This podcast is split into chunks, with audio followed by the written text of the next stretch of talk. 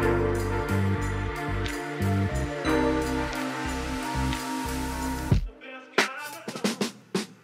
2 Ocak Salı sabahından herkese günaydın ve merhabalar.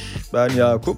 Bugün yeni yılın ikinci günü. Zorlu bir yılı geride bırakmamızın ardından 2024'de umutlar, dilekler ve beklentilerle giriyoruz. Herkesin aklından ve kalbinden geçenlerin gerçek olduğu bir yıl olması dileğiyle bu yılın ilk bültenini sizlerle paylaştık. Ben de bu bülteni sizlere sunacağım. Birazdan hepimiz için güzel bir sene olsun. Bugün bültende 2024'te ekonomide, iş dünyasında ve politikada beklenen gelişmeler yer alıyor. Şimdi gelin günün destekçisine şöyle bir bakalım sonra da detaylara geçelim.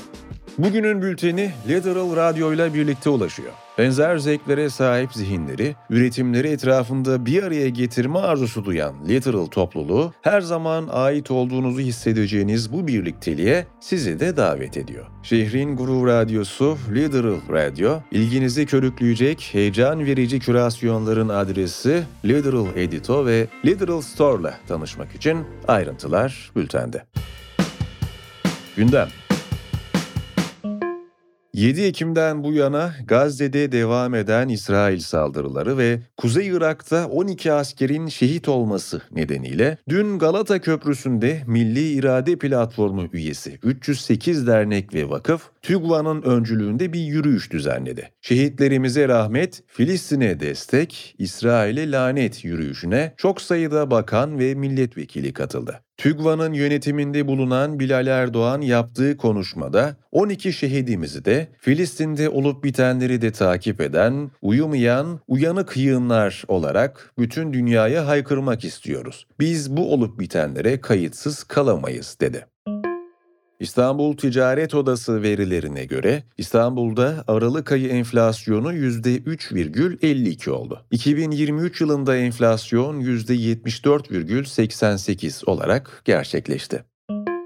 Gerçek Gündem editörü gazeteci Furkan Karabay, terörle mücadelede görev almış kişiyi hedef gösterme suçlamasından tutuklandı. Karabay, Sarallar grubundan Barış Saral'ın yargılandığı dava dosyasına girmiş, sanık ifadesindeki iddiaları haberleştirmesinin ardından gözaltına alınmıştı. Duruşmada yaşananlar duruşma tutanağından aktarılarak anlatılmıştı.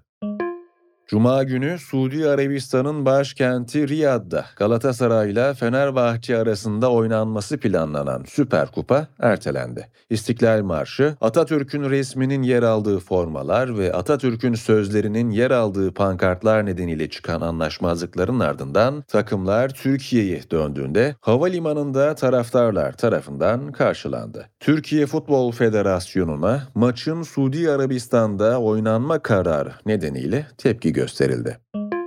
Cezaevinde tutuklu bulunan HDP'nin eski eş genel başkanı Selahattin Demirtaş'ın babası Tahir Demirtaş, Diyarbakır'daki evinde pazar sabahı hayatını kaybetti. Selahattin Demirtaş'ın cenaze törenine katılamadığı bildirilirken babasına yazdığı veda notu paylaşıldı.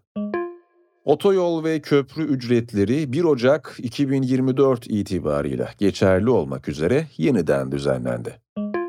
2024 yılında motorlu taşıtlar vergisi 2023'ün yeniden değerleme oranı olan %58,46 seviyesinde artırıldı. Resmi gazetede yayımlanan Cumhurbaşkanı kararıyla sigara vergileri 1 Ocak 2024 itibarıyla uygulanmak üzere artırıldı. Yurt dışından yolcu beraberi getirilen cep telefonlarına ilişkin e-mail kayıt ücreti 20 bin liradan 31.692 liraya çıkarıldı. Dünya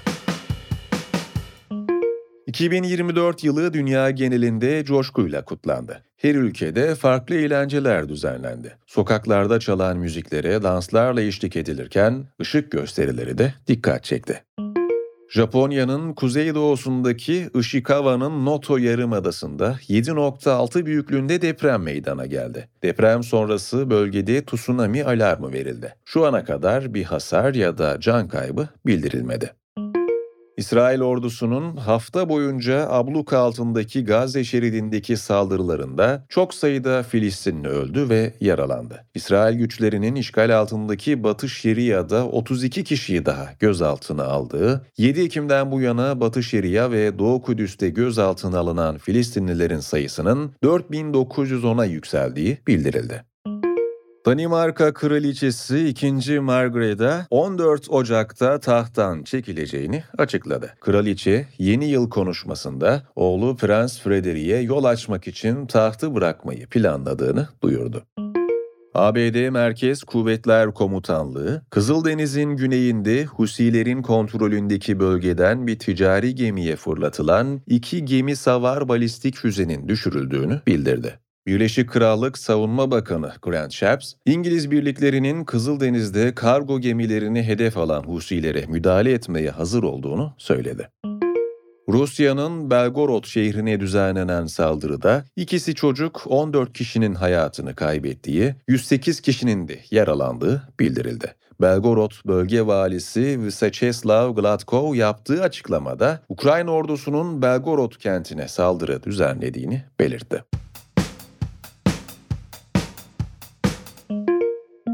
Günün hikayesi 2024'te bizi neler bekliyor başlığıyla geliyor.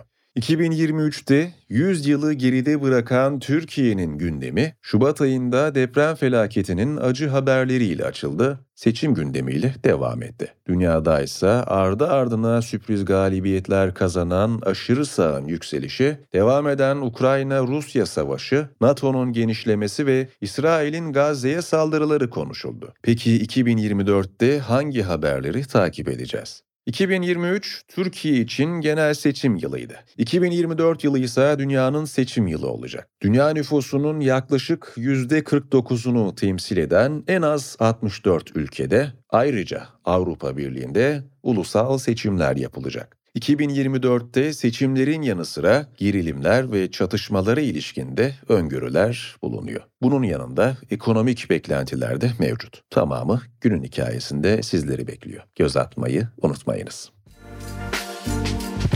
Yeni yılın ilk 6.30 yayınında mikrofonun başındaydım. Ben Yakup. 2 Ocak'ta sizlerleydim. Bugünün bülteni Literal Radio ile birlikte ulaştı. Bir sonraki yayında görüşünceye dek kendinize iyi bakın. İyi haftalar.